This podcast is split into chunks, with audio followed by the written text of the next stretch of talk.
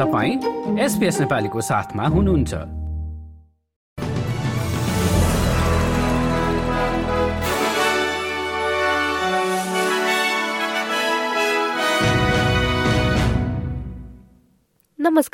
आज बुधबार तीन जनवरी सन् दुई हजार चौबिस। अब पालो भएको छ एसबीएस नेपालीमा। आजका प्रमुख अस्ट्रेलियन समाचारहरू सुन्ने। प्रसङ्ग सुरु गरौं ताजमेनियाबाट। दश घण्टाभन्दा बढी समयदेखि बेपत्ता भएका दुईजना कायकरहरू उत्तरी तास्मेनियामा फेला परेका छन्।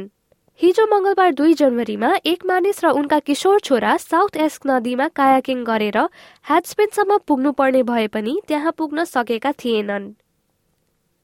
अवैध लागू औषध तस्करीमा दोषी ठहर गरिएका ड्रग लर्ड एलेन मोराडियनलाई दिउँसो गोली हानेर हत्या गरेको आरोपमा एक कथित सुटरमाथि सिडनीमा मुद्दा दायर गरिएको छ।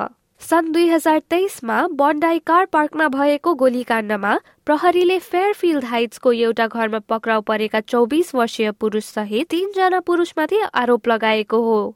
अस्ट्रेलियाको पूर्वी तटको धेरैजसो भाग अझै पनि वर्षाले प्रभावित रहँदा गम्भीर मौसमी अवस्थाहरू दक्षिणमा विक्टोरिया र न्यू साउथ वेल्सका क्षेत्रमा फैलिने क्रम जारी रहेको छ।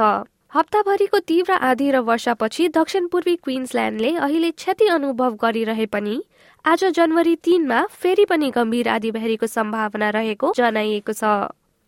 अन्तर्राष्ट्रिय समाचारमा पश्चिमी जापानमा गएको शक्तिशाली भूकम्पबाट ज्यान गुमाउनेको संख्या सन्ताउन्न पुगेको छ भने अधिकारीहरूले अझै धेरै भूकम्प आउन सक्ने चेतावनी दिएका छन्। नयाँ वर्षको दिनमा सात दशमलव छ म्याग्निट्युडको भूकम्प गएको एक दिनपछि इसिकावा प्रिफेक्चर र नजिकैका क्षेत्रहरूमा पराकम्प जाने क्रम जारी रहेको बताइएको छ।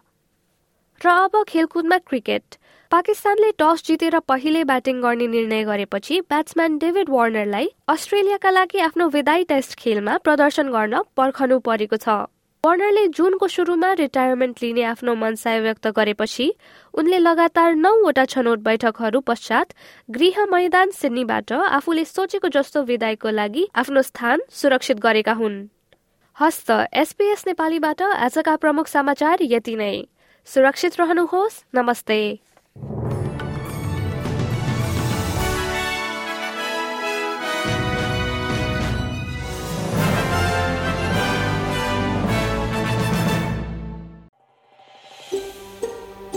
यो जस्तै अन्य प्रस्तुति सुन्न चाहनुहुन्छ? एप्पल पोडकास्ट गुगल पोडकास्ट स्पोटिफाईमा हामीलाई खोज्नुहोस् वा तपाईँले पोडकास्ट सुन्ने अन्य सेवामा।